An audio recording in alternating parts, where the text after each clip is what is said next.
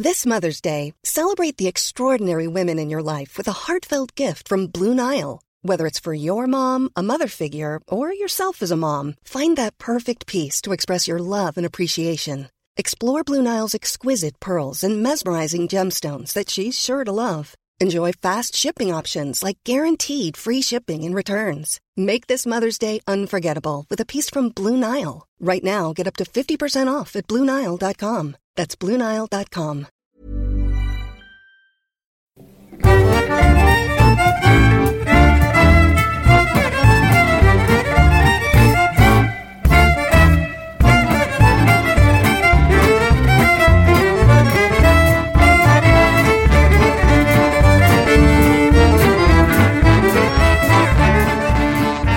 Klassiskt, när vi, som vi var inne på förra avsnittet, så här lite, eh, lite medelklasskänslan. Utan då, då har de så här, då, då har de sin ateljé i mitt gamla barndomshem. Eh, och då sitter de där för kanske nio på morgonen. Dricker lite kaffe och så målar de.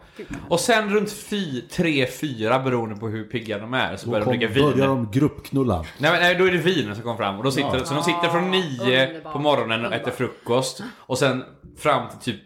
Jag tror fast han sa att senast har varit typ halv två på natten. Så har de suttit och pimpat där, vin och målat och bara så här, där liksom. har vi mitt life goal alltså. Om jag inte blir Karina Mm. då, då ska jag bli, liksom, då, då blir jag kulturtant deluxe. Då flyttar jag till Alicante. Eh, för jag är fortfarande svenne liksom. Så jag flyttar till Alicante med alla andra svennar. Ja. Och, och sitter liksom på klipporna och målar. Och dricker och- och salt. Men alltså i värsta fall så kan det ju bli kultur deluxe men då handlar det ju som ett kollektiv som Hans Scheike liksom. Och Hans, Nej, nej, nej. Hans nej jag, jag flyttar, eh, flyttar jag, jag bryter upp från allt. Jag lämnar, jag lämnar allt och bara flyttar Din, ut. din man och barn. Ja, Och- nej men jag... Det kan vissa konsthandlare som typ Peggy Guggenheim och letar reda på sådana här och, och, och gå ut och scouta efter talanger till exempel. Hit, det var ju hon som hittade han, vad heter han, Jackson Pollock. Och så han gick omkring och var full och pissade överallt hela tiden. Hon bara oh, he's a genius. Oh, Ja, det kanske det jag vill bara se Victoria vara på några klippor någonstans med så här, solnedgången och du sitter där med ett portvin. Problemet bara blir Och att sen så hennes, ska du också hennes brister kommer att gå sönder medan hon kliver Nej, upp nej, och sen ska du också ha det, ett litet paket med salt och vinägerchips bredvid också. Bara, där, mm, Bara, Åh, det här, det här livet. det gifte sig så bra. Ja, precis. Det åh, livet jag har, det är så fantastiskt. Men livet är ju inte alltid bra. Jo. Fan vilken dålig övergång. Eller hur? Ja, men jag är inte som dig Andreas. Hej hörni och varmt välkomna till Diagnostikerna. Jag kan inte övergångar, men det kan Andreas. Uh, bägge vi två är här idag och med oss idag igen så har vi Victoria. Hej Ja, Victoria. tack. Vi dricker fortfarande... Tack säger jag på hej. Jag bara- Varsågod. jag bara- Va- Varsågod, varsågod Victoria att du får vara här. Tack. I våran, vadå, soffa? I våran casting något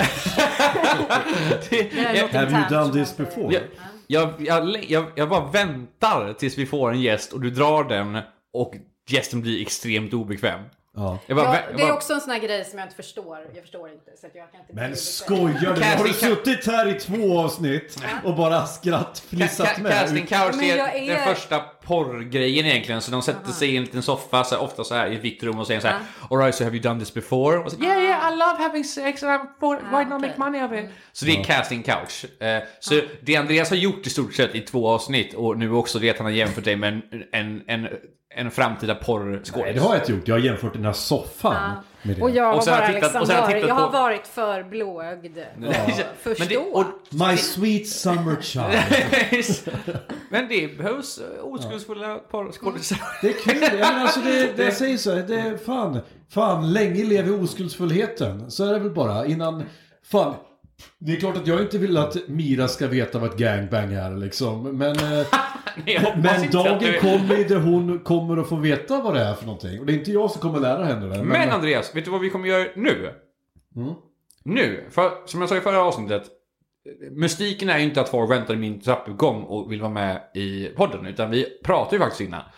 Och då frågar vi alltid om man vill prata om någonting. Just det. Och det här är sista avsnittet du är med i. Ja.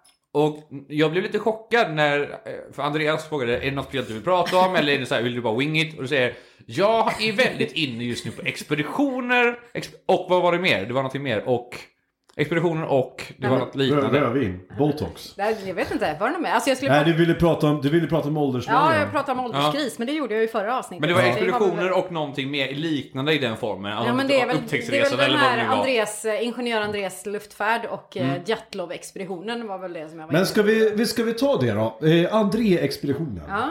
Okej, ge oss bakgrunden här. Kör! Ja, alltså så här, jag kan, jag kan ge bakgrunden till varför jag plötsligt har börjat intressera mig för någonting som alla andra redan känner till. Vill du dra till Antarktis? Precis. Ja. Nej men det, det nu under den här pandemin så har jag liksom haft ett enormt behov av, av att liksom få utlopp för den här kreativiteten som jag bär på. Jag är ju liksom en människa som håller igång i vanliga fall med både det ena och det andra. Och jag regisserar och jag skriver och jag grejar och håller på och jobbar. Och nu har jag liksom inte något av det där, alltså det enda jag har gjort är att jobba på mitt vanliga jobb. Digitala möten hemma. Jag har inte haft någonting annat. Så att nu har jag liksom bara fått ADHD och varit tvungen att börja lära mig nya grejer och göra nya grejer. Jag har börjat måla, jag har börjat läsa böcker, liksom riktiga fysiska böcker sådär som man gjorde på, på 80-90-talet. Och jag har bara, av en händelse så ramlade jag över en dokumentär om Jatlov-expeditionen. Som är en, en rysk expedition uppe i, i Sibirien. Var det där alla dog? Alla dog och de grävde ner varandra. Eller Ja. de grävde ner sig för att söka skydd liksom. Eh, och bara, men det här påminner mig om någonting.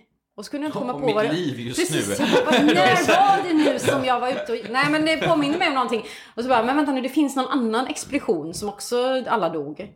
Och Rickard bara, ja men vadå du tänker på eh, André liksom? Ja. Jag bara, Det var den ja! här överklass-snubben som... Ja precis, jag bara, känner folk till det? Han bara, eh, ja typ alla i Sverige känner till det. Jag Och jag inte bara, det, jag jag gör inte det. Nej. Så då ska jag lära mig allt om den. För det är så jag funkar liksom. Jag kan inte göra saker måttfullt. Jag kan inte bara säga, ja men jag, jag wikipedar det. Och så kan jag, utan jag måste säga, jag ska läsa alla böcker jag kan få tag Ja. på, och lyssna på alla poddar och se på alla filmer. Så det är det jag har gjort nu. Jag kan ju i stort sett bara, alltså, jag kan Så ju det- inte historien det- bakom det, men jag, jag kan ju, har egentligen bara hört namnet, alltså som snackar om expedition, det är Tor Heyerdahl. Egentligen Ja. bara. Och det, så det är allt jag egentligen kan om Så expeditionsresor. du känner väl till den gamla klassiska Dr. Livingstone, I presume, den? Jag känner igen det, men inte mer än det. Alltså, Stanley och Livingstone. nej, jag kan... Det var ett rockband. Nej, men för grejen att jag kan ju ingenting, jag har ingen kontext liksom. Jag kan ingenting om historia. Jag gick, jag gick i en skola som var väldigt bristfällig och var dessutom helt ointresserad av allting som inte var hästar eller, eller supa liksom. Så andra världskriget, det var en sak som hände Ja. andra människor. Ja, ja. Nej, men jag hade absolut noll intresse. Nej, jag, jag var intresserad av politik liksom. Och att skriva saker, det var det enda som intresserade mig. Så allting annat är bara ett svart hål. Så jag har ingen koll på liksom historia, årtal, kungar, ingenting sånt. Så jag kunde inte relatera till någonting. Jag bara, det var, det var en, någon som skulle åka luftballong och det var länge sedan liksom. Så att jag har ju så fått lära mig historia och lära mig att så, okej, man visste inte vad Antarktis, vad, hur det såg ut i Antarktis liksom. Man hade inte varit på Nordpolen på 1800-talet. Men vad var det som lockade då? Alltså, så här, för, vad var det det som det- lockade dig att läsa det? För som du säger, Ja. du är en person som grottar ner dig i saker. Ja. Men jag antar Och- att det måste vara värt för dig att grotta ner i det. Så Ja men det är väl, det är väl det så här för att jag, jag vill, jag kan inte köpa att man, lite, lite som med, med Palmemordet nu när man så här Mm. Slog på stora trumman och bara nu har vi löst det! Yes! Så hade man inte. Nej, bara, men ni har inte löst det, ni har bara bestämt er för att det måste vara så här Precis. det var. Och vem hade en blå täckjacka? Ja. Och samma sak är det med André-expeditionen. Man har ju inte löst den. Man vet inte varför de dog. Kan du förklara André-expeditionen lite? för, för Mm, det- jag hade ingen aning Nej, om det. men och jag det är antar ju- att det kan jag med mi- glädje. mina lyssnare, den yngre generationen De, Andreas, eh, eh, de gillar inte, de, de kan de inte. kanske inte har koll på det. Nej men det, det gör jag gärna. Eh, det är alltså tre stycken överklass... Eh, Vilket år? brats. Vilket Eh, årtal? 1897. 1897. Mm. Så den här, det är ju ingenjör Alexander, nej, eh, Samuel August André heter han till och med. August André, inte Alexander. Eh, August André som eh, är liksom en sån här, en riktig, liksom, han, han vill han vill, han vill vara först och bäst och lyckas. Och, och slå liksom någon annan på, i, i någonting. Så Är han, från en svensk adelfamilj eller? Eh, ja, det, det är han ju på något sätt. Jag, jag har faktiskt inte jättebra koll på hans bakgrund. Men han, men han är ordentligt överklass. Alltså, Han är det- det överklass inte bara och han, han är en det skrivbordsingenjör. Liksom. Ja, okej, så han har okej. suttit vid skrivbord och räknat ut att det här ska gå. Det här ska. Mm, fungera. Liksom. Och han vet ju då, det, det pågår ju en hel del sådana här försök att nå Nordpolen på olika sätt. Framförallt med, med, med båt. Och så fryser de fast och så driver de isen och så får de kliva i land och så får de ta hundspann och så får de övernatta Fotnot på den. Det finns en jättebra serie, en miniserie som heter The Terror. Som handlar om precis den. En expedition till Nordpolen med båt som fryser fast och det går åt helvete. Sen kommer Night King och bara dödar. Nej, Nej. det är en Det skräckserie. är J- Yeti kommer sen. Nej, men det är, Ja, jätte, nej, men det är eh, sp- spoiler alert, det är isbjörnar. Ja. Ja men det är mycket isbjörnar. Just det, han fick för sig att han, han, Nej, men han- han- löst, han, han- hade löst det här i huvudet. Ja liksom. men precis, för han har, ju, han har ju liksom sett att det har pågått, eller han har ju hört och förstått att det har pågått en massa sådana här expeditioner och alla har liksom misslyckats för att det går inte att ta sig så långt och de fryser fast liksom med båtarna eller dör. Det är liksom det, antingen fryser de fast med båt och driver med isen till land eller, så, eller så dör de. Så han bara, men det måste ju finnas ett sätt att ta sig till, eh, till Nordpolen som inte innebär att vara på isen. Och då Okej, finns det ju bara ett sätt och det är ju att flyga. Ja. Eh, och då kan man ju inte flyga i flygplan som man tänker att det vore ju det logiska utan man ska ju flyga luftballong. Annars är det ju inte coolt. Så att, Hur många fungerande flygplan fanns det 1897? nej det kanske inte fanns så jättemånga. Det, det är det här jag säger, jag har ganska stora kunskapsluckor vad det gäller. Jag skulle ju bara säga men det är bara att sätta sig på ett SAS-plan och ta Ja, ja. Jag hade kunnat säga det men, men i det här fallet ingen så... wifi där? Han bestämmer sig i alla fall för att han ska flyga luftballong. Mm. Och han har ju liksom aldrig flugit luftballong. Var han svensk? eller? Ja, ja, han var svensk, absolut. Började han i Sverige eller vad började han i? Nej, de, de utgår ju från eh, Spetsbergen då som det heter. Det är, I Svalbard? Svalbard, Ja, precis. Ja. Eh, så att, eh, det är ju därifrån själva expeditionen utgår. Men det Okej. börjar ju, planeringen börjar i Sverige. Och det är minutiös planering. Och de är ju i, det är i Frankrike som den här ballongen tillverkas. Och de är där och kollar liksom och känner på det här tyget. Och bara, ah, ah, bien, bien. Bra och tyg. Liksom, ja, Ja, just det. Och han måste ju ha flera med sig, han kan ju inte göra det själv. Så han anlitar en meteorolog. Eh, För det kan ju vara bra att ha med sig. Mm. Liksom. Han är ju en ingenjör, han, han har ju bara suttit vid skrivbord. Så han behöver ju ha med sig folk som kan saker. Ja. Och så får han också med sig eh, Nils Strindberg, som för övrigt är en, en, eh, en släkting till August Strindberg. Jaha. Eh, Oj. Ja, så han får med sig Nils Strindberg som är jätteung, han är typ 25. Och vad är hans expertis? Han är också ingenjör. Okej. Och, och så är han lite fotograf också. Så han kan fota lite saker. Sen har han också en ambition att lära sig, lära sig eskimoiska så att han kan kommunicera. Han lyckas aldrig göra det, men han, han har ändå ambitionen att göra det. Eh, men då, då har han... In- De har fortfarande ingen som faktiskt Nej. kan Ingen som- överleva i vinter. Ingen som, kan, ingen som kan överleva i vinter, ingen som kan någonting om, om det arktiska klimatet, ingen som kan någonting om biologi, om... Eh, liksom, nej men ingenting Så som en man behöver. väderprisse och- en väderprisse, En är överklass och Ja. en ung uh, Och en ingenjör. fotograf liksom. En fotograf, Det, är det, okej. det är det de har. Det här låter fantastiskt. Eh, så de åker då, det här är alltså 1896. Vad, vad, vad packar de för någonting? Det, det, Ja, men det är, första, första packningen vet jag inte, men 1896, alltså året innan de gör den här expeditionen, Mm. då är det ju då de ska göra den egentligen. egentligen. Och han, eh, André då, han har ju ändå insett att jag måste ju ändå testa saker först. Liksom. Jag kan inte bara säga åker till Spetsbergen, sätter min ballong och flyger iväg. kille. Så han bara, men jag provflyger en annan ballong i Sverige. En annan, den jag inte ska flyga med. jag provflyger en annan. Så han lyfter med en ballong från, nu, är jag inte, nu kan, jag, kan jag fara med osanning här, jag tror att det är typ att han lyfter ifrån eh, Göteborg säger vi då. Han lyfter med en ballong och så, så bara, och freebasar han liksom. Jag bara, men jag ser, jag, jag tänker att jag kommer att landa i Norrköping liksom. Ja. Och så, Där så här, är det som alla känner till 90 grader kallt. Och, så, så han bara flyger på, på freestyle och hamnar liksom någon helt annanstans. Han är helt fel. Han, han Ja. tror att han har koll på vart han är och han landar på helt fel ställe. Men han är så jävla stoisk och så jävla stolt så han bara, det var meningen liksom. Så, Ja. så han, han tycker att det var, en lyckad, det var ett lyckat försök. Nu räcker det, nu har jag Då testat. var han själv eller? Ja, det var han själv. ja. Och nu hade han testat så det var lugnt. Han har också åkt till Frankrike och fått provflyga flyga någon ballong någon gång. Och han hade dessutom skickat Strindberg till Frankrike flera gånger för att provflyga ballong. Ja. Så Strindberg har flugit ballong fler gånger än vad André hade gjort. ja. Eh, Okej. Och sen så, så vill han också testa att åka då till liksom ett, ett arktiskt klimat. Så han åker till Spetsbergen, Mm. till Svalbard. För att göra en, en, han hänger med en expedition. Och hans, upp, Det här är snö.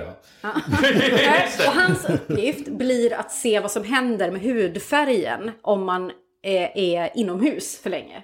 Så hans uppdrag blir att sitta inne i ett svenskhus i, i Arktis, eller i Svalbard, i en månad för att se vad som händer med hudfärgen. Så bara, okej, nu har jag testat att vara här, då vet jag att jag klarar det. Så det är liksom det han har med sig. Det var är en sån hans expedition människa. Jag tänkte, det här kommer inte gå hörni. Det här kommer inte gå. Eh, nej, nej. Vi, vi, måste, vi, vi måste hitta på någonting Ja. för den här mannen Dessutom- kunna... Vi måste, kan du testa det här? Ja. ja men precis, Ja. för, för jag tror att han Inomhus. fick det uppdraget efter att, för han hade nämligen ett uppdrag, han hade en uppgift på den expeditionen som han åkte iväg med då. Och det var att ha med sig fotogen till deras kök. Det hade han inte med sen. Och han hade misslyckats med det, så han hade tagit med för lite. Så jag tror att det var därför som han blev satt i det här huset. För att bara säga, du får kolla vad som händer med hudfärgen. Det är ditt jobb. Så han satt liksom i ett hus i typ en månad för att kolla vad som hände med hudfärgen. Då var han För att han satt i ett jävla hus. Ja, men då var han världsvan Andreas. Ja, Ja, jo, men han, hade, han hade testat att flyga ballong Ja. i Sverige, gick åt helvete, men han hade testat det. Och han hade testat att varit i Svalbard. Och hans fotograf hade åkt ner och testat Ja, och hans ballongen. fotograf hade varit nere i Frankrike och åkt ballong, så då bara yes, nu är vi klara och så har vi en meteorolog. Och Alldeles nu, safe! och självförtroendet nu var i Ja, topp. nu är det bara, En meteorolog som kan och säga det, det regnar. Han var ju en talets man va, så han hade ju tjatat till sig finansiering för det här utav... Eh, eh, Typ kungen, han, va? eh, han som, eh, vad, vad heter han, han som hade Aftonbladet? Eh, Bo, eh, Bo- eh, eh, eh, hjärta? Eh, nej, utan den innan. Oj, nu jag. Jan Johan Hjärta? Nej? Nej, Schibsted? nej, men vad är det nu? Det är inte Bonnier. Nej, det är inte Bonnier. Det är... Gustav Vasa. Nej, jag vet inte. Ja. Någon, något namn, någon, Ja. någon knös säger vi då, Ja. för enkelhetens skull. Eh, Jag har några luckor i det här som jag inte, det jag inte minns exakt. Ja. Men han har i alla fall lyckats Ja, men få... fortsätt killgissa. han, han hade det. fått en jävla massa pengar Ja. eh, för att göra den här expeditionen. Ja. Liksom. Vi säger att det var Jan Guillou som gav honom pengar. Jan Guillou gav honom jävligt mycket pengar. Ja. Och bara, men det är klart du ska göra det här. För han hade ju liksom övertalat honom att det här, är- det här är den, det kommer bli den häftigaste expeditionen. Och vi kommer, att, vi kommer att flyga, vi kommer att släppa ner en boj. Vi ska inte landa, de är inte dumma i huvudet. Vi ska inte landa Nej, nej, nej. på Nordpolen. Vi ska bara släppa ner en boj på Nordpolen. Nordpolen där det står så här, vi var här först. Andreas expedition. Och sen ska vi åka till antingen, antingen till Kanada eller till Ryssland. Det beror ju på åt vilket håll vinden för. Antingen Och, till då, och, Kanada eller där, till... och där kommer vi bli mottagna med liksom triumfer och, och kungen kommer att hälsa oss och sånt. Så att, Mm. Var så de medvetna om att jorden inte är 60 kilometer i omkrets? Nej, det tror inte de var det. Men så att året innan då, 1896, då åker de upp till Spetsbergen. Ja. Här ballonghuset, de har ju ballongen. För, De vet också nu vilken hudfärg man får. att precis. Så de har allt de behöver. Ja. Eh, de har också, det, det går liksom turistbåtar i skytteltrafik dit upp för att titta på det här liksom att way, nu ska de åka iväg. Men det är för, för att kunna lämna Spetsbergen och, och driva norrut så måste det komma en sydlig vind. Liksom. Ja, det är ju ja. det som är förutsättningen. Så de åker ju dit och de ska åka i juli. Det är liksom enda tiden du kan åka iväg för att du ska fortfarande ha så pass mycket ljus, alltså Ja. ljusperiod kvar för att du inte ska behöva Det var bra av honom ändå, Ja, tänker ja, så. ja, men så det hade de ju räknat ut. man Tur att de hade en meteorolog som visste att, att det fanns väder. Så de åkte dit någon gång i början på juli visste att det 1896 fanns väder. och turisterna bara flockades och bara hej André, hej André, det här kommer att bli världens häftigaste grej och ni kommer att de första på, svenskarna på Nordpolen som lyckas med det här bla bla bla. Och bara det, mätt, det mattades av liksom för tiden gick Mm. och det kom aldrig någon jävla sydlig vind och det bara så här, till slut så bara nej nu måste vi lämna här. Turistbåten den går nu liksom. Vi kan Jag ser inte... framför mig en typ Adam Sandler-film där folk står... Yeah, yeah. Just det. Lite så, var, lite så var det. Och under tiden som de var där och väntade på den här sydliga vinden så läckte ju den här ballongen som ett jävla såll. Det är bara liksom, alltså André fyllde Och då hade den. de fyllt den innan de lyfte? Ja men den står ju redo i, i Jaha. Men, men den läcker ju för att de här sömmarna inte är täta. Så jävla fransmän. För att det var fransmän som hade sytt. Ja men fransmännen de hade, ja, ja men alltså själva tyget var siden så det var supertätt men alla sömmar var ju inte det. Så att det hade de inte räknat med. Så den läckte så, så André fyllde den sju gånger under tiden liksom för att Ja. den skulle hålla sig fylld så det fanns typ ingen, ingen vätgas kvar. men tack och lov får man väl säga då så kom ju aldrig den här sydliga vinden så till slut så fick de ju bara så här, fick bara packa ihop. Ja. För det, det går ju inte, vi kan inte resa när det blir vinter liksom. Så i- Orkestern åkte hem. Ja. Jag orkar inte spela Ja, längre. Nej. tubaisten bara... Nej men alla, alla fick lämna och det var ett jävla misslyckande. Så André han åkte hem och satte sig vid skrivbordet och började räkna om. Men under tiden då, för de, var- de var ju beslutna om att det här ska vi göra igen. Liksom. Nästa år då är vi tillbaka igen och då har vi en bättre, eller vi har, vi har samma ballong fast vi har förbättrat den lite liksom. Och vi är Ja. samma gäng och vi ska åka. Men meteorologen han hade ju insett att det här kommer ju gå åt helvete liksom. Det här går ju inte, vi, fan ballongen läcker ju som ett såll och du kan ingenting om det här. Och ing, ing, ingen, alltså det kommer inte att gå. Så han hoppar av. Nej, inte Ja. meteorologen. Jo, Nej. meteorologen Hur ska vi nu veta om, hur ska vi nu veta om det regnar? då, då, då gör han det enda rätt att då sätter han in en annons i, i, på Arbetsförmedlingen och bara vi behöver en ny ballongfarare. Så då får han en eh, norsk, Knut Fränkel, som är så här, han, han, är, han, är, han är stark och smidig liksom och han har, han har Vad muskler. krävs mer Ja, ja, en precis. stark och han, kan, man? han kan springa och han kan dra och han kan lyfta. Han är också opererad för ischias alldeles nyligen, men det, det spelar inte så stor roll. Han, ändå, han, han, är, han är en hurtbulle liksom. Han kan inget annat. Utan han, han, är, Kan han, han är Björn Dählie, Ja, men han, är, kan inte... Han, är- han, är, han är duktig på, eh, han, han tar liksom prover på saker. Så, här. så det kommer han göra under den här expeditionen. Han tar så här random prover på typ en näve snö och så tar han ner en burk och så här. Så det är liksom Den här var kall. Ja. Den här var gul! Nej men det är så här, det, nu är det alltså tre personer som inte kan någonting om polar, polarexpeditioner. En skam den som ger sig. Men de är så himla stolta över det här och, och meteorologerna börjar ju, börjar ju prata skit om den här expeditionen. Bara, Det här kommer gå åt helvete. Det här, den här ballongen är, är farlig och han börjar liksom sprida den propagandan. Och folk börjar så här vela, för det, han behöver ju mer finansiering för det här liksom, för att han ska komma Jan iväg. Guillou backar då, alltså? Ja, Jan Guillou börjar ju För backa. hittills har ju de här pengarna inte gått till ett jävla skit. Nej, precis. Men, men, men, fakt, nej, men faktiskt är det så här att Jan Guillou då, som inte är Jan Guillou givetvis, men om vi säger att han heter Jan Guillou. kanske heter han, Knut han Hamsun. erbjuder faktiskt Ja. André en ny ballong. Så bara, men du får Oj. det, för det, jag tror så mycket på den här expeditionen. Kan det ha varit får Ivar Kryger som Nej, men om, det det var Jan om det var typ Bonnier eller något. Ja. Ja, men eh, skitsamma, den här knösen i alla fall erbjuder dem en ny ballong. Men André är för stolt. Mm. För då är ju det ett erkännande av att den förra ballongen var dålig. Så han bara, nej, det är inget fel på den här. Nej. Så han ska ha den. Så att han bara tvingar fransmännen att skaffa fram någon så här, typ lim, så här fernissa som de Mm. kan måla över skarvarna med liksom, så att den inte läcker så mycket. För det, alla, vet ju att, alla vet ju att färg, Ja, färg löser problemet. Paus i två sekunder bara. Ja. Sen så får också, i och med att de, de, är, de ändå ska köra den här expeditionen, så får de ändå... Jaha, förlåt. Skulle Nej, jag men nej, alltså, nej, men, nej, Victoria vill sitta och medla en paus. Olof, jag- du ska inte få förstöra hennes historia med ditt jävla Men burköppnande. du får Ett, gärna... två, tre!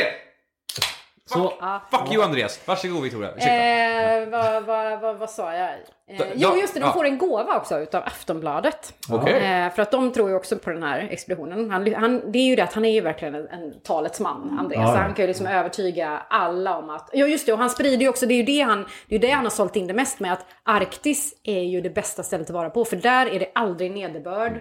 Och det är alltid, det är alltid ljus, han det är alltid bra väder. vad baserar han det på? Ingen aning, för det är alltid motsatser. Det är liksom Han alltid nederbörd, det är alltid disigt. Du ser, du har ingen sikt liksom. Det är bara dis. Men det är det förlorade landet i stort sett han precis. målar upp det så som. han har ju så här, det, här, det är ungefär som den här Eschkrianza som försökte få folk att åka till Amerika. Liksom. Ja. Eh, Men, men det, mer, mer eller mindre alltså, Ja, alltså, det finns en anledning till att det inte bor jättemycket människor på Antarktis.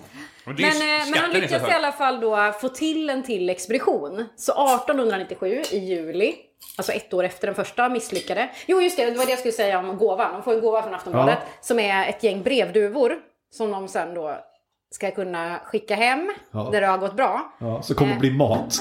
Nej men de, de får jättemånga brevduvor som de också ska med sig på den här, i den här ballongen för det är ju lugnt liksom. Man kan ha med sig lite För, för, hur stor är korgen till Men ballongen? jag vet inte, den är nog ganska stor ändå. Med Jag- tanke på all Ja, skit de de... har ju med sig vansinnigt mycket grejer. Alltså, Ja. De har ju med sig finkläder då framförallt för att de ska ha, stå, det ska ju vara ett, ett fint mottagande. Ja, men sen. Kanada och Ryssland. Det ja. Ja, Precis. Ja, de har med sig, det viktigaste det är ju finkläderna. Sen har de med sig massor utav eh, så här, uppslagsverk. Ja, det de- behöver man ju. man behöver läsa om saker. Kan man gissa att de har med sig en kniv? Ja, ja, de har ju säkert med sig förnöden, eller det har de, de har med sig Ja. bra grejer. Men de har också med sig väldigt mycket onödigt. Och det roliga är att de dumpar ju rätt mycket last ganska tidigt liksom. Men Ja. de dumpar fortfarande inte uppslagsverken och sånt, för det släpar de hela Hade de med sig vägen. Och alkohol läste jag någonstans. Ja, mycket- champagne, mycket champagne. Och portvin? Ja, ja, ja, mycket Ja. sådana grejer. För och, fan. så, och så alla de här brevduvorna. Men poängen med brevduvor är ju att de ska åka hem liksom. De ska ju så här, man ska ju skicka ett budskap med dem. Men de hade glömt att träna de här brevduvorna och hitta hem. Så det var bara att de har vanliga fucking helt- duvor ja, ja. Så det, de har fått ett gäng fåglar. Som inte kommer göra någonting annat än flyga iväg och sen vända tillbaka. André, den Den här var där... jättegod för Var den god? Ja, Lind, Lindemanns ena, ena druvan ser väldigt svart ut, ja, det är en skata. Mm. Eh, Men vi tog vad vi kunde få. Ja, men så de har den här ballongen och den, den läcker fortfarande men eh, de fernissar den lite. Sen räcker inte fernissan till hela men det är inte så jävla viktigt nej, liksom. Den läcker lite, det kommer den nej. göra. Den kommer ändå räcka Det hela är de vägen. Inga problem. ordentliga. Ja. Åker upp tillbaka till Spetsbergen, sitter där och väntar på den sydliga vinden. Inte lika stor, liksom, så här, det är inte lika mycket musiker där och tjoar längre. För de har ju gjort det här en gång och liksom, allting är märkt med så här, Andreas expedition 1900, eller 1896 för att det är året innan. Så här, Ja, men ja. vi ska komma iväg. Och så bara en morgon så kommer plötsligt sydlig vind. Sydlig vind, hela liksom, allting bara "Åh, Vi ska göra det här nu, vi Mm. ska åka iväg. Så de hoppar ombord, lastar på allting de ska, släpper iväg den här ballongen. Och Knut bara, oh, kämpegött, nu kör vi. Precis. Jag kan och den, saker. den, Den drar iväg och sen börjar den sjunka. För att den har ju tappat luft och Ja. den är alldeles för tungt lastad. Så den börjar sjunka mot vattnet. Så här. Folk står ju fortfarande på land och ser det här. Och Andrea bara kasta ballast! Sen de vräker ur grejer. Liksom den här bojen som de ska slänga, det som de har haft med sig för att slänga på Nordpolen, det är bara ur med skiten. Liksom. Kastar ut grejer. Kastar ut alldeles för mycket. Så ballongen bara tjong, drar iväg 700 meter rakt upp i luften. Ja, Och fångas av vinden och drar iväg och försvinner. Och det sista man hör av Samuel, August och André, det är så här, vad fan var det? Sen är de borta.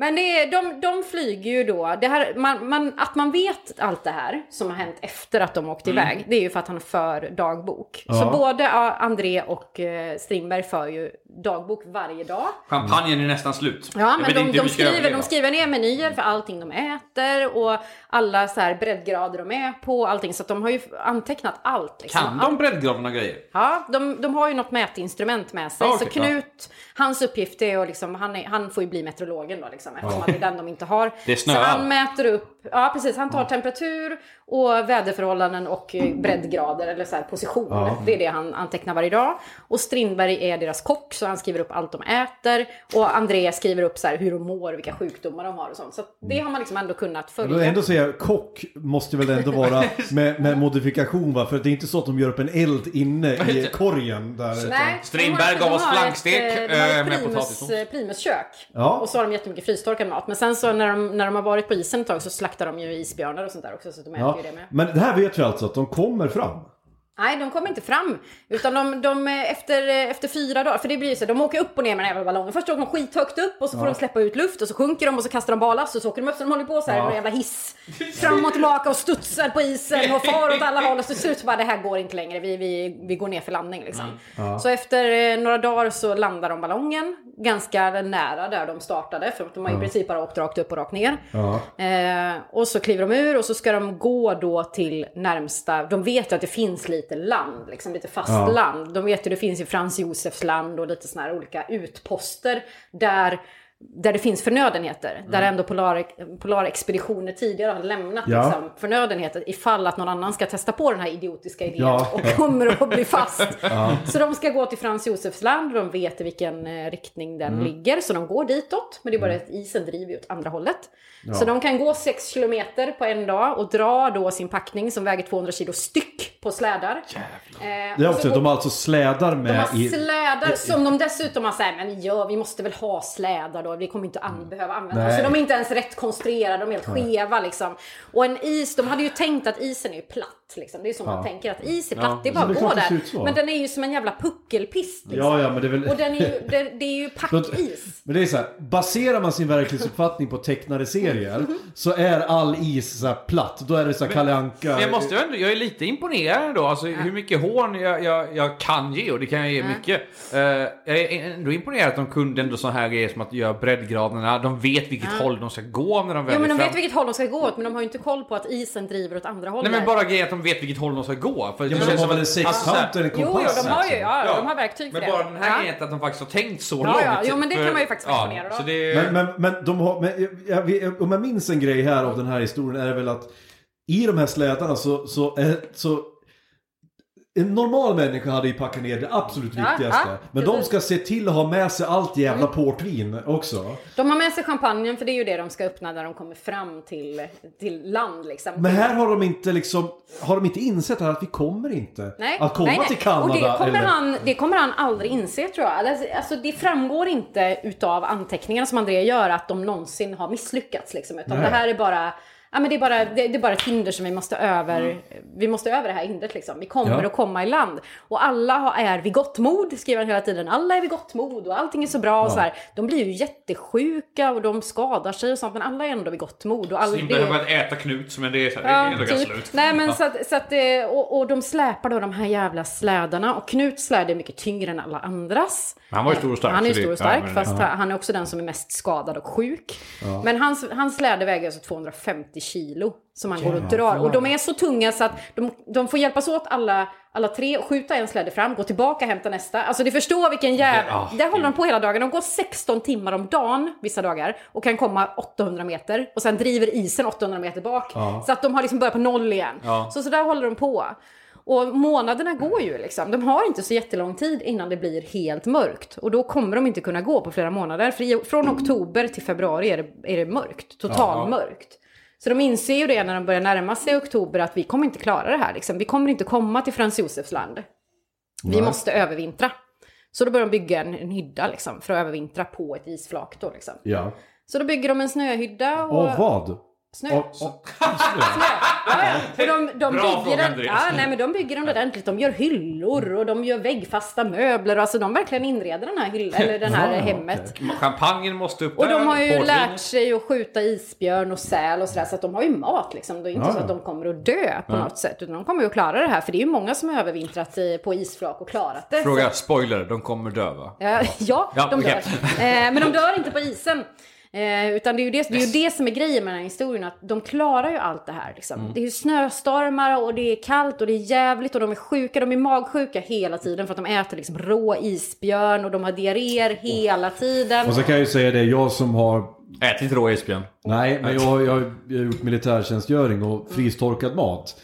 Det funkar några dagar, men ju mer du äter av det, desto mer bajsig blir du i magen. Det är inte Ja, ja. bra för magen. Nej men alltså. de mådde ju jättedåligt liksom. De var ju så sjuka hela tiden. Men de var ju gott mod och allting var så bra. Och, och de fotar ju och de antecknar och de skojar och de har det gött. Och, och, och de firar också kungens födelsedag. Det är då de, de offrar portvinet. Eller om det är champagnen för, efter ett tag. För att nu är det ändå kungens födelsedag Ja. liksom. Och de skålar Någon jävla klass får det vara. Ja, ja, ja, alltså. Det är precis. inte- Eh, och de har, de har, de har ju jättedåliga kläder på sig. Liksom, de har ju några så här stärkta ullkavajer. Och, alltså det, det är ju så mycket som bara är fel med det här. Men de klarar det. Det är ju det som är grejen. Så bara av att, att, att läsa deras packlista gör att man säger de kommer överleva en dag, sen dör, sen fryser de ihjäl. Men de klarar sig ändå rätt länge.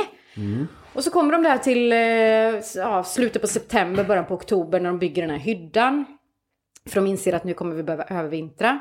Och så är den, eh, är den klar och de sover där inne och så bara en morgon så vaknar de av att hela isflaket de är på bara spricker. Och det kommer in vatten. Fy fan. För att is är ju porös liksom Ja, och den rör sig hela tiden. Att Den den- jävla paniken dock alltså. och, och bara så här, "Ha, nu, nu får vi fortsätta och gå och så får vi hinna bygga en ny hydda då liksom. Men då får de syn på någonting i horisonten. Det är liksom inte samma, för det är, det är ju, de ser ju inte så långt. Jesus. Men det har ju ändå sett likadant ut allting. Men nu får de se att det är någonting i horisonten. Och då inser de att det är land. Ja. Eh, och det finns en ö på kartan som inte, för de har ju ändå, de har ändå en karta med sig liksom. Och det finns en ö som inte är namngiven som bara är vit. Som de kallar för White Island eller White, ja, no- Vitön kallas den idag då. Och det är liksom den nordligaste punkten på Svalbard. Eh, Det och var den, innan Black Lives Matter. när det fortfarande fick heta Island. Den vita ön. Nu är det Morgan Freeman. Nej men den är ju vit för att, eller den heter ju det för att den är vit. Det är ju bara en glaciär. Ja. Och så Det var finns mycket enklare förr. Man bara så här, vad, vad kallar vi det där? Vit. Mm. Vit ön. Ja. Grön ön. Ja, ja, det, ja, det var mycket enklare då. Ja. men så de ser ju, de förstår ju att det är land liksom. Så de, då, då inser de att nu kommer vi att klara det här på riktigt. För det är klart de blir oroliga när isflaket spricker. Ska de hinna bygga en hydda till innan det blir mörkt? Så bara yes, det kommer land, vi kommer klara Men nu är det. allt portvin slut va? Nu är portvinet Ja, slut, ja. champagnen är slut. De har fortfarande gott om mat, de har skjutit mycket isbjörnar. De har gott om kläder, alltså proviant, de kommer att klara det här. Mm. Allting är liksom på deras sida nu. Jag är så involverad i den här historien nu känner ja. jag. Alltså, Ja, men det här laget så målar borde upp de det här så jävla bra. Vid det här laget borde de, de skjutit så många isbjörnar, typ mer eller mindre kunna klä sig i isbjörns... Ja, ja, de har för mycket kött med sig. De, Ja. går, de får ju slänga kött för att de går och släpar på för mycket isbjörn. För det Vilket liksom inte är blivit- jättebra heller för då lockar man till sig ännu fler. Jo men det är ju det. Ja. Och de har ju liksom, det har ju blivit slentrian. De ligger där i tältet och bara ja nu får du gå ut. Det är som att här, man har ett barn som skriker liksom. "Ja, Nu får du gå ut och skjuta den. Ja jag gör det då. Och så bara, Ja. ja. ja nu den ligger där borta. Alltså det har ju blivit, de, de har ju blivit så vana vid att skjuta isbjörn. Och de har, är helt nonchalanta mot isbjörnarna. De kommer gå fram och bara "Åh!" och skrämma den liksom. Alltså helt så här, de har inte fattat att de är svinfarliga. Nej men så då kommer de i land. Jag tror det är den 4 oktober som de kommer i land. Och det är inte jättelångt kvar innan det kommer bli helt mörkt. Eh, men där upphör anteckningarna. Där slutar de anteckna i några dagar. Jävla Ja, creepy-podden så de skriver alltså. liksom att nu är, vi, nu är vi i land. Och sen så tar det flera dagar och så kommer det en anteckning som är så här. Nu har vi rekogniserat och vi har flyttat. Så de flyttar, för det finns en liten, liten strandtunga på den här vitön som det är sand. Allting annat är bara is och glaciär. Mm. Och, och sen så, så finns det inget mer antecknat. Så någonting händer ju liksom. Och Mm. de dör. Ja men sirenerna kommer ju och sjunger för dem och direkt, alltså Ja. det Nej, men det, ju och vara det är det liksom som är så sjukt. De har alltså överlevt all denna jävla kamp. De har gått i, de har ju gått ner sig i vakar hela tiden och är pisseblöta. De har haft varbölder. De har, de har haft alla sorts sjukdomar. De har haft allting emot sig. De har fått, alltså äh, Knut har varit så, han är ju, han är ju den som är mest illa däran utav alla. Liksom, har fått släpa, de har fått lägga honom på en släde och dra två slädar. Alltså de, de har haft allt emot sig. Och så kommer de i land och så dör de. Och det är så här, vad är det som gör att de dör? Och det är ju här liksom teorierna börjar, för allting fram hit vet man ju. Det har man ju kunnat utläsa. Men sen har det då liksom, för de hittades 33 år senare Ja. Okej. av en expedition. För att vanligtvis så är det inte öppet vatten fram till Vitön. Det är liksom otillgänglighetens land, det går inte att komma dit. Men sommaren 1930 var eh, ovanligt varm, så då gick det att komma fram till Vitön. Så då var det en expedition, eh, Brattvåg, som, eh, som kom, som fick syn på att det, det är fritt, eller öppet vatten liksom. Vi, vi går in där bara för att, för att ha varit där. Och hittar liksom kvarlevorna och hittar lägret och allt det här. Så att de blir ju bärgade och kan komma tillbaka och blir analyserade. Men det är ju så, det här är 1930 så man är så här, man bara "Öj, vad ska vi, vad ska vi göra med allt det här? Ja, Massa precis. benknot och det här, det här, vad är det här liksom? Så att de tar några sporadiska prover och sen så hittar de ett testamente från Strindberg att så här, jag vill bli kremerad. De bara okej, då bränner vi alla. Så de bränner upp alla liksom. Så det går inte att ta några mer prover heller. Så sen när folk börjar fatta att det är bra att göra undersökningar på saker, då är allting redan bränt. Tänk man har hittat dem nu. Alltså, här, Ja. Tänk bara grejen om man hade haft den tekniken. För Ja, då har man ja, ju verkligen, fått verkligen. reda på vad som hade hänt. För det finns, de, de hittade eh, något enstaka, alltså de hittade lite fingernaglar och sånt där i efterhand och lite så här, sådana fragment som de kunde tagit prover på då, för att förstå vad det är de dör av. För det är ju det som är liksom, hade, hade de blivit sjuka av någonting på isen, då hade de ju förmodligen antingen dött tidigare eller i alla fall varit väldigt illa däran och skriva. Alltså, varför skulle de inte skriva om det om de har skrivit Nej, om allting precis, ja. annat liksom? Eh, och ja, de, de skulle ju kunna ha dött av isbjörnsattacker allihopa, men de, är dö, de, de hittades i positioner som inte tyder på att... För en är begravd, Strindberg är begravd, så han dog ju före de Jaha. andra. Så honom har de begravt, så antingen så blev han attackerad av en isbjörn och så har de andra begravt honom och sen är det någonting annat som har hänt med de andra två. Men, men André, han, han är död, eller han dog i en position med ut,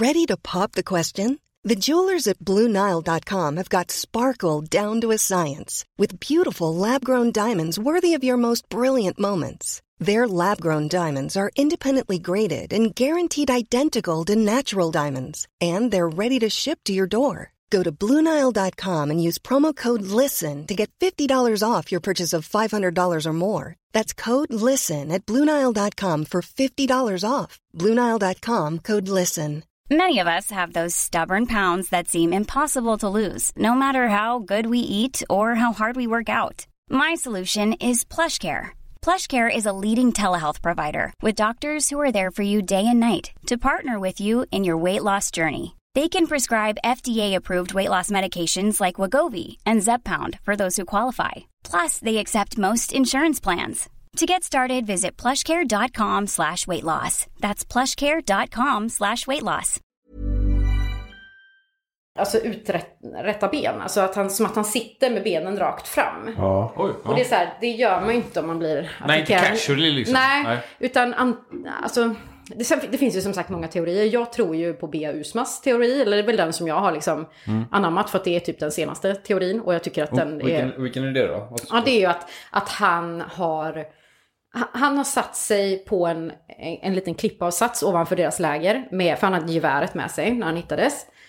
Eh, och insett att här kommer jag att sitta nu i totalt bäckmörker. Det är jättemycket isbjörnar. Det här är ju isbjörnar som är på ön, som inte kommer därifrån för att det är öppet vatten Ja, runt. vår liksom. familj också dödat hela vägen Ja, hit. ja precis. Och ja. de är hungriga, de är fast på ön. Jag kommer att bli uppäten av en isbjörn. Jag kan lika gärna... Ja, fast han hade inte skjutit sig, för det hade de ju sett. Men däremot så hade de massa morfin med sig. Eh, och de hade använt morfin när de var Okej. på ön. Men det är inte, de har inte använt tillräckligt mycket för att ta en överdos. Men Bea Usma är ju, hon är läkare. Eh, Så hon har ju ändå liksom en, en läkarkompetens i det. Så hon, hon, hennes teori är då att det behövs inte så jättemycket morfin för att du ska somna så djupt så att du inte märker att du fryser. Det är det stadiet de är... Precis, alltså, så att han liksom har satt sig med ett gevär, tagit lite för mycket morfin och somnat. Ja. Och sen- frusit ihjäl bara. Men det den stora gåtan är egentligen vad som har hänt med Fränkel. För att Strindberg har dött av någonting, med största sannolikhet en isbjörnsattack. För att hans ena byxben är avslitet på, Okej, på ett ja. sätt som liksom skulle kunna tyda på att han har ja, blivit av, avriven byxbenet. Okej, ja. Och han hade dessutom ett halssmycke som hade halkat ner i byxorna. Som också Mm. kan tyda på att han har fått liksom en smäll och han hade revor på kläderna och sådär. Så att det är väl det mest troliga att han har blivit attackerad med isbjörn och sen begravts. Och sen att André var den sista som var vid livet. Så att han har liksom två döda kamrater då. Var det Men- då de kom på att isbjörnar var farliga kanske? När, han, när, han, när Strindberg blev attackerad och bara så, Oj shit! De kan ju faktiskt Men grejen är att människor. Knut Fränkel, han har ju dött i tältet har man kommit fram till. För att man hittade, Mhm. han hade inga skor på sig när han dog och man hittade hans skor stående oknutna. Eh, man, har inte, man vet ju inte exakt var tältet var i och med att det var uppluckrat liksom. Men han har inte haft skorna på sig och det har man inte när man sover. Det är bara då man inte har skor på sig. Kan det inte ha varit så, eh, bara en teori jag har, att, att Knut var sjuk? Eh, hade en sjukdom, en dödlig sjukdom. Han kanske till och med var dödligt skadad. Efter en eh, efter, han kanske räddade Strindberg, eller försökte. Eh, så han var allvarligt skadad och André hade försökt, cared for him. Insåg att han är döende och därför satt att, eh, så att jag kommer förmodligen bli ensam här. Och därför, eh, som en Ja, men som det är ju- fortsättning på den teorin. Att Det är han, ju Bea Usmas teori också. Att någon, att förmodligen så blev han, alltså blev Knut skadad i, i den attack som, Ja. som Strindberg dog i. Så försökte han hjälpa till. Och dog, eller blev skadad själv och sen dog av de skadorna. I och med att de har använt, eh, de har använt Morfinet som- morfinet. Och, Att han inte ska skrika för mycket i stort sett och inte ja, smärta. och att Ja. han har lagt sig i tältet liksom. Och, Finns, finns det några så här sjuka teorier som man... eh, Som Nej, kommer inte, sjuka vad jag, vad jag har läst i alla fall. Men det finns ju väldigt många teorier. Och det är Mm. många olika typer av sjukdomar då, som, de har liksom, som, som Bea Usma kan avfärda. Okej. Som eh, skörbjugg, eh, A-vitaminförgiftning, blyförgiftning. Alltså många sådana här saker som, som var Ja, ganska vanliga att dö av på den tiden och Mm. även i, i, under sådana här expeditioner. Men man har, det finns liksom ingenting som tyder på att det är det som skulle ha dödat dem allihopa. Mm. För då hade man märkt det. Då hade de inte liksom ork, dels hade de inte orkat begrava Strindberg om de hade Nej, varit precis, döende nej. i liksom botulism eller någonting. Utan Nej. Då, då hade de varit så illa däran. Och sen just att de inte allihopa ligger liksom. De, hade, de har inte frusit ihjäl för då hade alla tre legat in i tältet och Ja, försökt sant. värma varandra. De har inte dött av syrebrist i tältet för då hade alla varit i tältet. Alltså, det finns många grejer som är ganska enkla att, att ta död på liksom. Eller så här, Ja. det, här är, det här är inte en hållbar teori. Men i och med att man fortfarande inte vet så är det det som, det är nog det som gör att jag inte kan släppa den här. Jag, jag blir så här, bara jag måste... Du vill vara personen som kommer fram till detta. Du vill vara Nej men jag, jag blir ju Bea Usma här. Om ni inte har läst Expeditionen, som är hennes bok om den här expeditionen. Jaha, ja. Så gör det för att hon är fantastisk på att berätta. Och hon har ju, hon, den heter för övrigt Expeditionen Min kärlekshistoria. Och det är för att hon har liksom blivit besatt av den här. I 15 år har hon liksom jagat den här historien. Hon har, hon har gjort alla ting. Hon, hon blev läkare för att liksom kunna Oj, lösa det här. jävlar. Och, och jag bara känner så här, I'm with you. Det där låter inte Du och jag, hälsosamt. vi, vi chartrar en båt, vi åker till Vitön, vi ska fan lösa det här. Får jag bara säga att det där är ingen bra idé? Den här historien, den säger att du ska inte, om du inte har en aning om vad fan du snackar om, åka iväg på en jävla... på Men, en jävla Nej, men jag- jag expedition. fråga så här, är det här, är det här, vad, eh, André då? Var det ren idioti? Eller kan man också hitta någonting man är imponerad av på honom? Jag är imponerad av, av den här pionjärsandan. Ja. Oavsett, men det tror jag, men grejen är att det där pionjärsandan där, den där andan att vara först, att till varje pris ta sig någonstans, Mm. det är faktiskt, alltså, nu slutade det här och gick ju åt helvete. Men det är den andan som har gjort att vi har tagit oss dit vi är idag. Absolut. Det var den andan som gjorde att vi kunde skicka iväg folk upp i fucking rymden. Mm. Till, men kolla vad fan ryssarna gjorde. De skickade ju upp han Yuri Det var Gagarin. Det var, det var, ju, det var inte, var inte säkert att han skulle överleva den. Laika klarar ju inte det. Hunden som de skickade upp innan.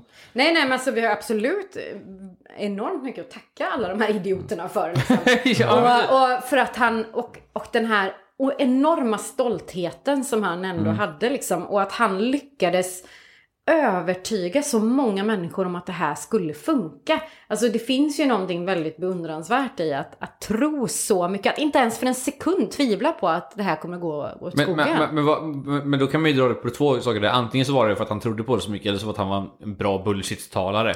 Ja, och, det- och kunde sälja in det och liknande. Eh, Men, men jag håller med lite där, för jag vet inte om, det är så... Lite som man säger, det är bra att folk är vo- volontärer så jag slipper vara det.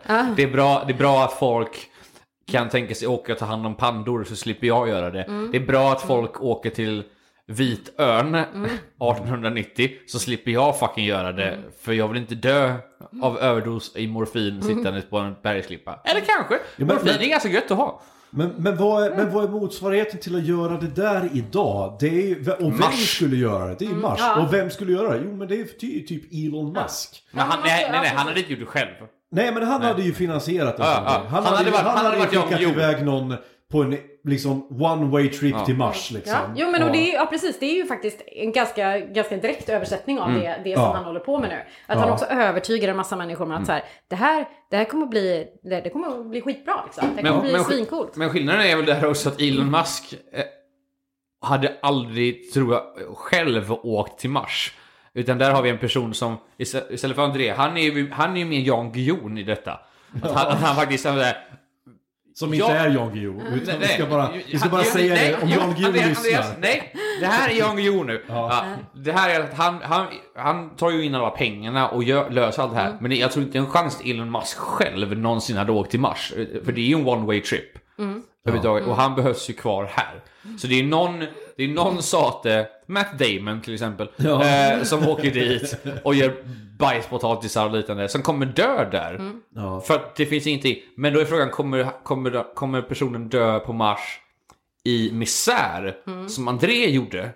Eller kommer de dö i någon sorts, ja men den här pionjär ä, som äran att jag är den första människan på Ma- Mars liksom. Ja, det beror ju på om de kommer komma tillbaka eller inte. Det kommer, de, det kommer de inte göra. Nej, det är, det är ju Nej, det. Mars- Åker du till Mars nu så är det en one way trip. Ja, du kommer precis, inte ja. kunna ta dig tillbaka. Vi har inte Stargates än, har vi inte. Nej. Vi, Nej men det är ju häftigt liksom det här det martyrskapet som ändå liksom, när man ändå ingår i den överenskommelsen, att man Mm. vet att det här är en dödsdömd, en dödsdömd grej liksom. ja, och jag, Men att så här, jag kommer att bli ihågkommen för det här. Jag kommer, Ja. man kommer, det kommer att sitta någon och prata om mig i en podd, liksom 100, vad det nu blir, 180 år senare. Mm.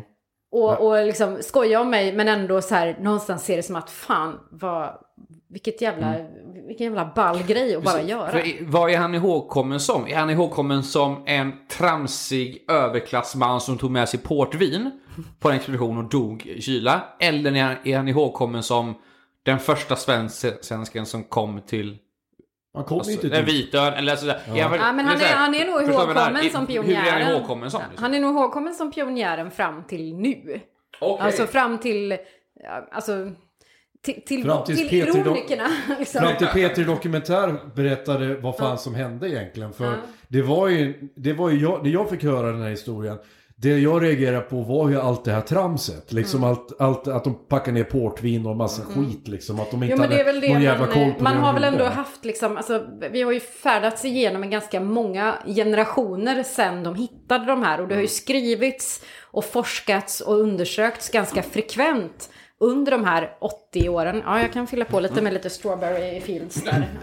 Nej men jag tycker alltså... alltså Men att det är ju nu först när liksom ironigenerationen som är, vi är ju liksom så källkritiska och vi är så granskande och vi är ifrågasättande. Det var man kanske inte på 30-talet, 40-talet när man säger ja men de, de har försökt, okej de lyckades inte, det var ju tråkigt men jädra vilka modiga grabbar. Ja, men, eh, framförallt så här, fanns det ju är de värld dumma i att- huvudet? Vilken liksom? storhetsanda. Om det var, Ja, jag- jag- nu har det liksom utbytts Ja. mot bara idioter. Ja. Liksom. Ja men framförallt så fanns det, men det är för att de har gjort the groundwork. De har ju, de har ju Mm. gjort det jobbet som vi själva inte pallar att göra. Mm.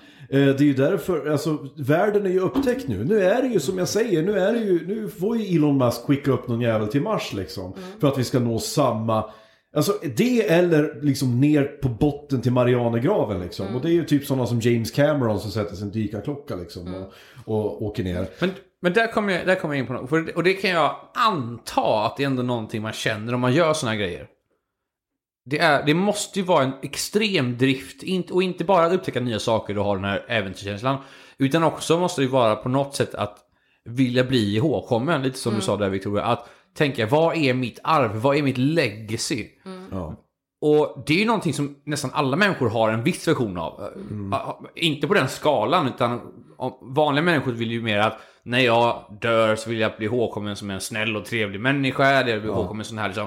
Men har man, har man den här liksom, tankarna så vill man ju, man vill ju bli odödlig i sett. Men man måste komma ihåg också att det här var ju en tid också där Alltså, där klasskillnaden var mycket större. Absolut. Vilket innebär, och han kom, de här kom ju från fina familjer. Vilket att de förmodligen hade press på sig från sina familjer och sin, släkt att de faktiskt skulle åstadkomma någonting under sina liv. Är du, Deras är, du lite mamma- rap, är du lite rapig idag Andreas? Ja, det blir lite. Ja, Man ja, druckit ja. mycket öl. Ja. Deras, men deras föräldrar och så här vill nog, familjer vill nog att de skulle ta över familjeföretaget eller bli liksom... Mm.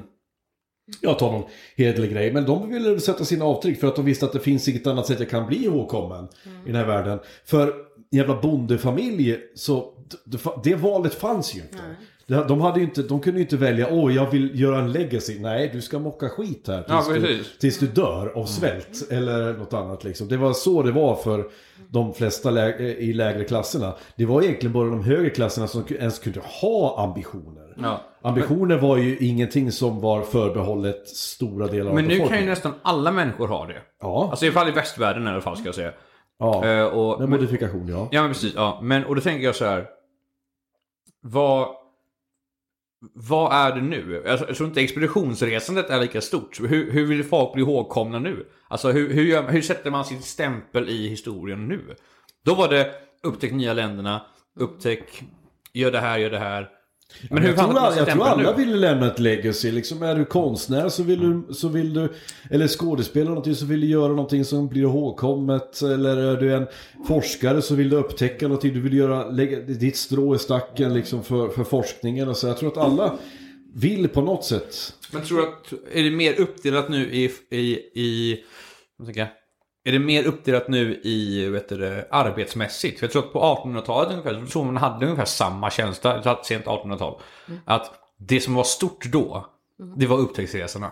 Ja, ja. Det, det, det var som rockstjärnorna. Det var de som kunde, de upptäckte nya ställen, de, de, de var... Indiana Jones fanns inte på den tiden och sig. Men det, är så här, det, var, det var den här tanken på det. ja, men det var ju de, var och de liknande. och uppfinnarna. Ja. På den tiden. Ja, ja, men för vi men hade vad- ju fortfarande kvar saker att upptäcka. Nu Precis. känns det som att säga, vad har vi? Ja, nu har vi rymden liksom. Ja, men är, är, det, är, det, är det vår nya version mot då? Mm. eh, cancer liksom. Det, vi, vi kan inte, hur mycket mer kan vi åstadkomma idag liksom? Odödlighet, det är väl också en sån här Ja, klassisk... precis. Det är väl en sån här klassisk eh, science fiction-grej hur folk det har fortfarande kollar på, vad fan är det? Ja men typ, eh, de tar... Eh, Octopus, vad fan heter det? Eh, Octopus. Bläckfisk. Tack. Bläckfisk grejer, så de ska kunna växa ut armar igen och de tar så, allt sånt där. Så förbättra, men genmanipulering och liknande. Det är vår nästa grej. Personen som kommer upptäcka, åh nu kommer vi inte åldras längre liksom. Men det känns så jävla science fiction. Det är folk som jobbar med det fortfarande. Ja, det här var så jävla coolt. Jag, eh, jag, upp, jag upptäckte, eh, nej men jag läste, jag läste faktiskt om just det, att det finns ett djur. Eh, och jag, jag tror att det var en bläckfisk. Eh, jag, där- nu, nu blir det killgissande här, men eh, jag läste om det här för att jag, jag blev liksom så, så fascinerad av det. Jag tror att det är en typ av bläckfiskart som i ordets akt och mening är odödlig. Är inte det sjöstjärnor? Jag har Nej. eller manet. har Ja, det kan, ja, en manet kan Ja, det vara. just- Som gör så att när de, för de, de, deras liv går i en slags cykel. När de uppnår en viss ålder eller blir liksom sjuka efter puberteten. Så, så, går, så förvandlas, de genomgår en metamorfos och går in i en, i en eh, puppa typ och blir en kokong. Där de återföds som unga igen. Men det är fortfarande samma organism. Som har eh, gjort liksom total cellular reversal. Och den här tek- och de- man eh, forskar väldigt mycket på de typerna av maneterna för att just eh, eh, komma på gåtan till liksom cellgenerering. För att till exempel då kunna bota cancer. För ka- problemet med cancer är just det att cellerna eh, återskapas för snabbt. Jag kan säga, det där låter ju som världens sämsta i och för sig odödlighet att vara barn och sen tonåring och sen måste du uppleva barn och tonårsbiten igen. Aldrig bli vuxen, aldrig få det där utan bara såhär barn, tonåring. Ja fan det är femte gången jag har den här jävla grejen om finnarna. Jag vill bli 20 och kunna gå på krogen. Nej, du kan bli 16. Då blir du barn igen. Det är såhär världens värsta grej. Men ja, just den här äventyrsandan som vi pratar om väldigt mycket, eh, som vi pratar om här. Alltså det där var ju en av mina drömmar när jag var liten. Indiana Jones var ju min största idol liksom. Men vad hände där då? Va? Ja, vad hände? Jag, jag, pff, jag började på Bromma gymnasiet i, i, i, i Hudiksvall. Men du kan ju ut och resa nu. Ja, men jag kommer inte palla. Du vet det är så mycket människor och skit. Du kan ju Men du kan få följa med mig när jag chartrar en båt och åker till Vitön och letar efter Ja! Andrégåtan. Ja, men det, det, jag- grej, grejen är att så här. Eh, om vi ska gå till också expeditioner som har gått åt helvete. Mhm. Där har vi exemplet Grizzly Man. Känner ni till den historien? Ja, han som var uppe i Alaska någonstans. Så, ja. Det, det här handlar om en kille som, jag kan inte namnet på nu så det här kommer, allt det jag säger Vad nu kommer nu? Dog han av grizzlybjörnar? Ja, det här kom, det här, men allt, allt allt som jag säger nu, det, det tar jag bara ur minnet. Eh, det, när jag såg filmen om honom också. Det var en kille som, som levde för björnar. Han älskade björnar, var bäst han visste. Och han, han, han kände en connection till björnar. Han tänkte att jag förstår dem. Jag är en Vill du ha det sista? Nej, de enda som förstår dem. Och han åkte ut på flera expeditioner. Och den här killen, till skillnad från André, gjorde sin hemläxa. Han, han, eh, han... Han tog med sig öl istället för portvin. Nej men han, så han, han, han åkte upp och gjorde sin research och han umgicks med björnar. Alltså han, han bodde bland björnarna och, och såg dem och så tyckte... Men problemet med honom var hybrisen. För han tyckte att han blev alldeles för duktig. Ehm, och det här, här fick ett otroligt tragiskt slut. ehm, den, den här historien. Eh, det sista var, sista expeditionen, då hade han med sig sin flickvän. Och de åkte upp till Alaska. Till Yellowstone nationalpark tror jag. Till och med. Och... eh, men problemet var att den här gången hade han missat vilken tid han åkte dit. Han åkte dit nämligen under grizzlybjörnarnas parningssäsong. När de är som allra mest aggressiva. När varje hanne dödar allt den ser i närheten. Det sista man ser i den här, eh, det finns en film av det, det är hur han försöker närma sig en grizzlybjörn och typ Hä? Hej big guy! Mm. Ja, ja, men han är- han- och den här grizzlybjörnen chargar honom och sen hör man bara skrik. Och, bo, och både från honom och Mm. hans flickvän som förmodligen blev dödad ganska snabbt efteråt. Det är fruktansvärt. Men där har vi ju grejen att det här var ju en kille som ville väl. Den här killen ville ju liksom, han ville ju liksom visa att gris, björnar är våra vänner och vi kan gå ut och sådär. Och det att, Nej, nej! nej. Men- Där också det är, det är väl exakt samma grej som Tiger King liksom. Att man tror att så här, jag tror att jag har kontroll Mm. på, jag, jag, jag kan kontrollera djuret liksom. Inte Ja. tvärtom. För jag menar han... det här är en 600 kilos jävla mördarmaskin. ja, men han, han, han, pratade, han hade ju gett alla namn liksom. Och så satt Ja. han där och bara Hello Kelly, Kelly I love you, I love you. Och så kommer de fram och bara Han bara Oh no no no, no no, take it easy. Och så här, tror Come on, han liksom, girl, come on, ja, come on. Men han tror liksom att han har en, en kontakt med dem. Ja. Men, Men- men de, bara, de är bara schyssta just nu. Det, Liksom. det, det, det, är- men det är det som är så så här. okej, för, jag tror att på, allt det vi på, på, på pratar Grizzlymannen där, Ja. jag. Man ser, det kommer ju upp på YouTube ibland så här. Det finns ju vissa personer som jobbar på såna här Alltså eh, frizoner för djur i Afrika och liknande. Ja. Det som faktiskt, om man säger The Lion Man som faktiskt sitter där och kramas med lejon och liknande. Och då tänker man så här, det, där är, det där är coolt. Men också det är dum i fucking huvudet. För att tanken säger lejon är snälla och lejon är fina eller björnar är våra vänner. Nej! Det, nej, det är de inte. Det är med vilda djur som går på instinkt. Ja. Och som är så mycket fucking större och starkare än vad vi är. Det är som när de åkte och snackade med, snackade med, med Silverbacks där liksom. När de skulle göra den expeditionen och den dokumentären. Samma sak där. Alltså nu får du ligga ner på marken och titta inte ens på Silverbacken. För kollar du upp på honom så kommer han Och slå... gori- gorillorna. alltså, Ja men precis, det- ja, ja, gorillorna. Då kommer Ja. han slå ihjäl dig på två sekunder. Och jag, så, jag, jag, jag förstår inte. Jag tycker det är bra att folk vill upplysa att djur är djur och djur har ett helt samhälle i sig själva och de har så här. Men det är inte, man ska inte, för, man kan inte gulla gulla djur heller. Nej men det är det problemet är ju, det är ju hybrisen återigen. Och det här behovet som människan har av att ge djur mänskliga Ja, attribut. precis. Att, att där, åh titta han ler. Nej han ler Nej, inte. precis. Ett djur kan inte le. De har inte det. Och eh, så här, alltså, jag förstår, jag själv som älskar djur och är djurvän. Mm. Jag gullar ju med mina djur, men jag tror ju inte för en sekund att det är en människa. De fattar inte ett skit vad jag säger. Du inser ju att om du hade dött så hade de kanske börjat äta på dig. Ja men det är så det Ja, inte, men- för det är men så de precis, ja, funkar. ja. Men det, det, jag hörde så jävla bra, jag lyssnade på eh, Ricky Gervais eh, po- podcast. Mm. När han pratar med Carl Pilkington och de säger att, eh, det här att om, en, om ett lejon skulle kunna prata så skulle människan och ett lejon ändå inte förstå varandra. Nej, för att vi har inte samma referenspunkter. Vi har inte levt i samma värld. Alltså, kan, alltså förstår inte du, åh, kan du öppna den där dörren? Vadå dörr? Vad är en dörr för någonting? Jag har ingen aning. Det spelar ingen roll om vi kan prata samma språk. För vi är olika arter. Vi har helt olika referenspunkter. Och en annan eh, sån här, där hybrisen tog, tog, det var ju den här killen ehm, eh, i, i filmen Into the Wild, kommer du ihåg den? Det var väldigt stort där i början, eh, mitten av 2000-talet. Där eh, jag kommer ihåg, jag har, jag har en kompis som, som blev helt inne i den filmen. Han blev liksom personligt förändrad när han hade sett den filmen. Att åh, jag skulle vilja lämna civilisationen. Åh, så här, vi är lurade, vi är civiliserade varelser, vi ska ut. Problemet var att med han som le- skulle göra Into the Wild, han som skulle lämna civilisationen, han dog. På grund av att civilisationen är det som har hållit honom vid liv. Ja. Han förstår Ja. inte det själv. Du är inte gjord för att bo ute i skogen. För han, han käkade lite bär, blev sjuk och dog. Och han, grejen är att så här, om men du lämnar har ju civilisationen, då lämnar du också förmågan till, till, till att gå till ett sjukhus. Pins, Alltså- penicillin, värme, du Men lämnar... vi har ju någon slags övertro. Det är väl, och det är ju det hela liksom André-expeditionen handlar också om. Ja. Också att vi har en övertro på att vi ska kunna, alltså att vi är så maktfullkomliga liksom. Att Ja. vi, vi människor, vi klarar allt liksom. Allt Ja. vi tar oss för kommer vi att lyckas med. För att vi sätter reglerna. Men det är vi- ju liksom, vi är så jävla små i Ja. jämförelse. Och vi har ju gjort jorden våran bitch. Vi har ju Ja. också gjort, alltså vi har ju hoppat ut ur näringskedjan också. Så, så, här, så jag, jag kan förstå den, manliga, den mänskliga hybrisen. Mm. Att så här, vi har gjort det här och det här. Då kan vi också göra vad fan som Mm. helst. Men då, jag förstår, jag förstår inte folk som gör detta. Och jag, jag, jag kan respektera romantiseringen av naturlivet och allt det där. Men ännu en gång. Alltså, jag är nervös när jag står vid hästar.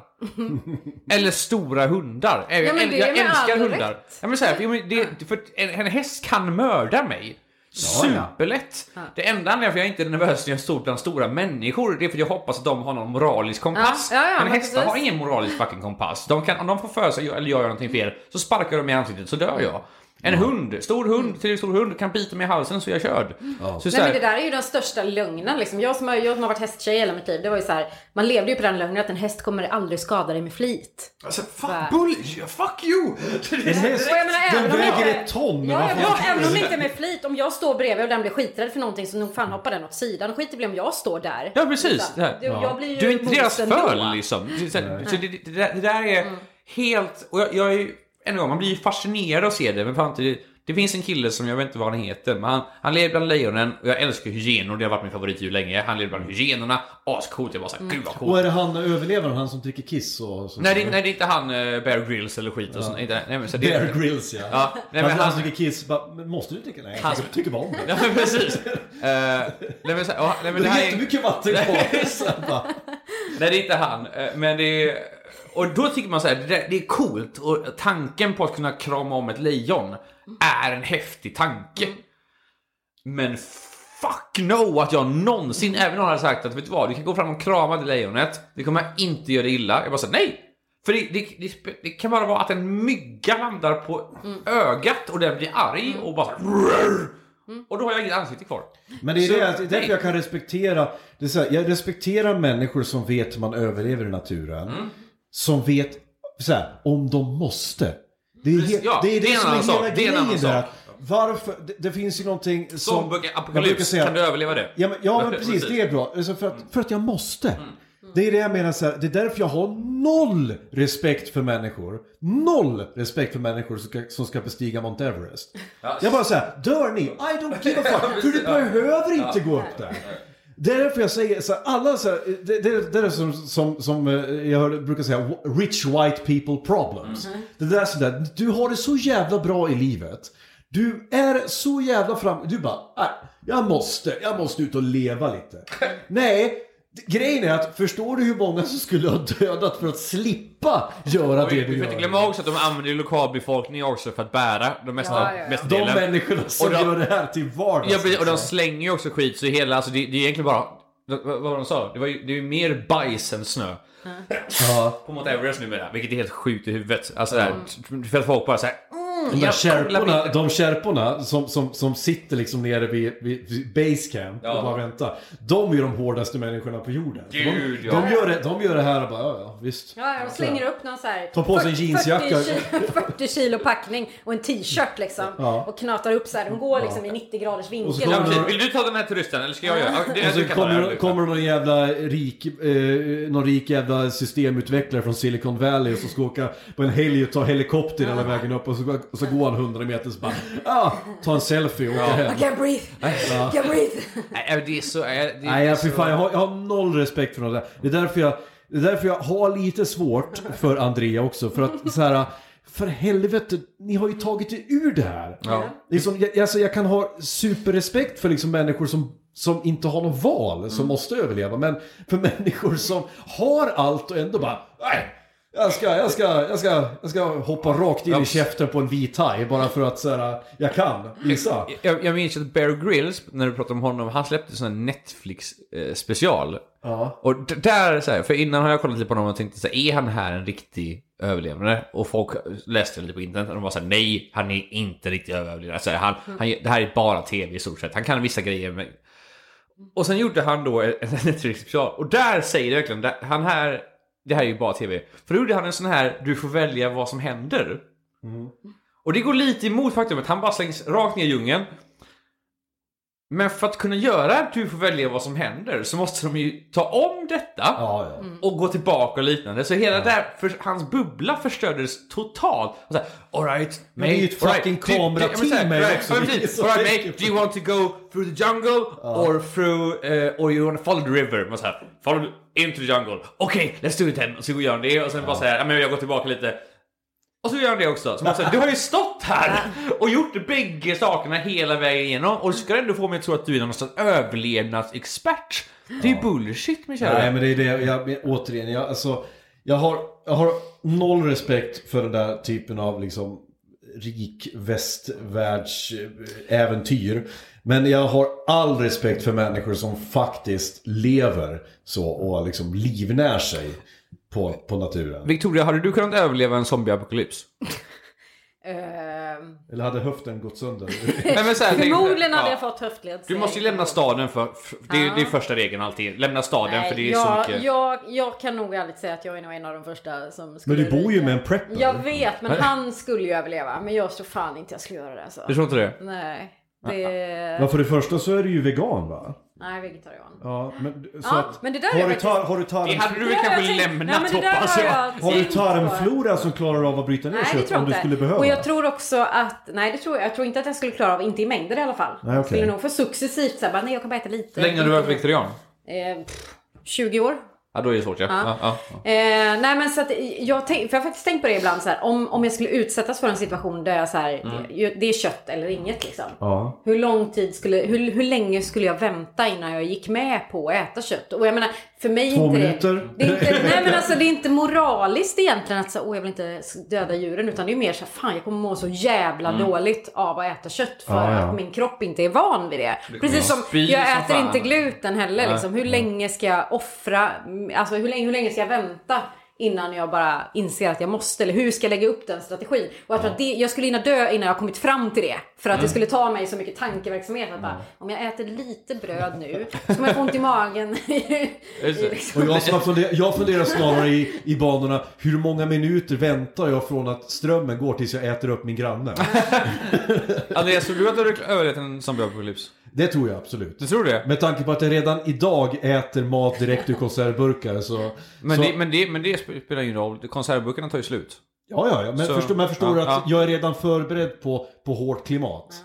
Eh, sen är jag rätt duktig skytt. Okej, Jag, är, ja. jag, jag, jag har gjort värnplikten, jag har jagat i många år. Mm. Sen är jag rätt stark.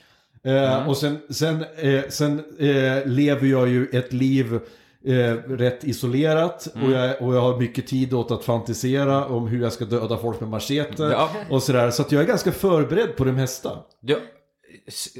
Ja, det är fair. Ja, ja. Jag tror, jag har inte klarat av en sekund. Jo, en sekund är jag klar, men jag tror att jag hade nog...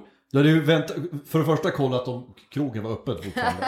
Ja, ja, ja, Så länge- jag, så länge den har druckit jag, upp jag, hade ju, jag hade ju hittat källaren i kyrkan och, och bunkrat upp där förmodligen. För att det kommer inte in folk där. Och sen så hade jag varit där. Tills då människor kommer då jag hade förmodligen blivit kannibal. Men jag har ju alltså, så här, det, ja.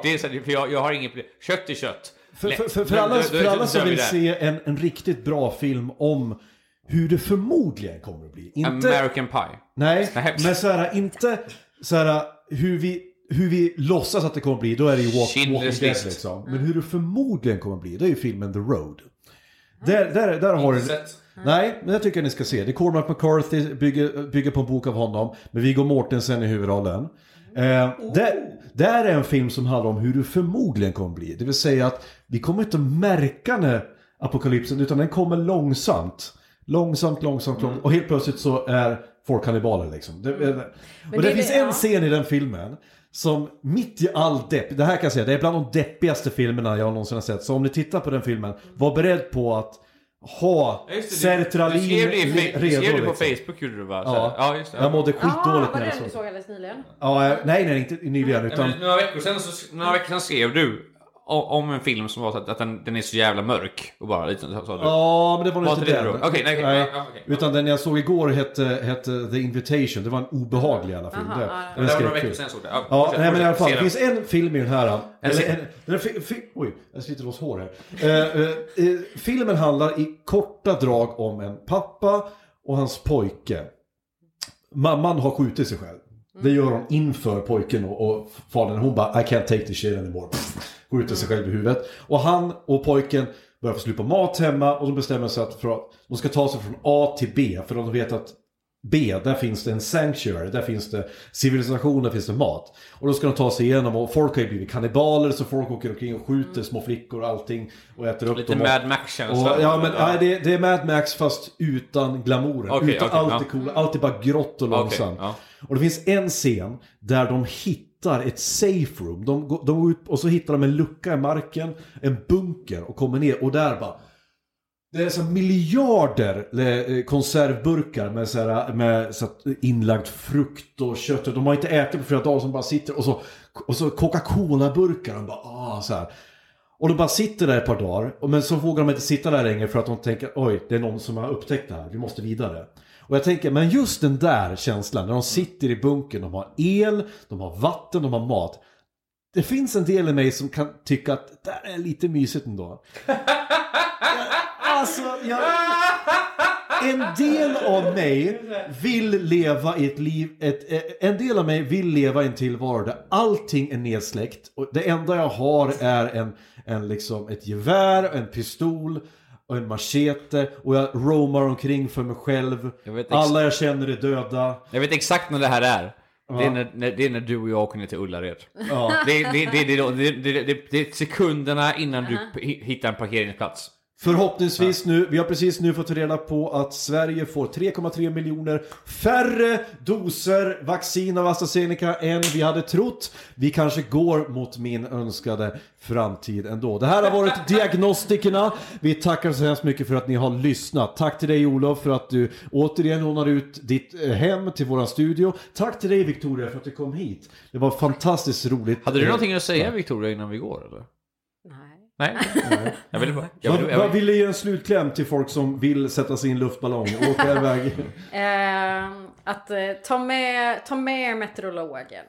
Ta med meteorologen. om, om han hoppar av, hitta en Övertal, ny. övertal, ja precis. Ta en ny i så fall. Utan meteorolog, ingen expedition. Jag skulle vilja säga att barn, nu, ni har ju hört nu att alltså, om ni vill bli ihågkomna så kör ner lite portvin, hitta en luftballong och sen dra Då kan någon prata om er i en podd. Jag menar det, alltså, och inte bara det, det skrivs böcker om er, folk blir läkare för er skull. Så jag uppmuntrar till mycket expedition, mycket portvin, mycket champagne och ingen meteorolog. Ingen, säger jag. ingen minns en fegis. Nej. Tack så mycket för idag! Ha det bra!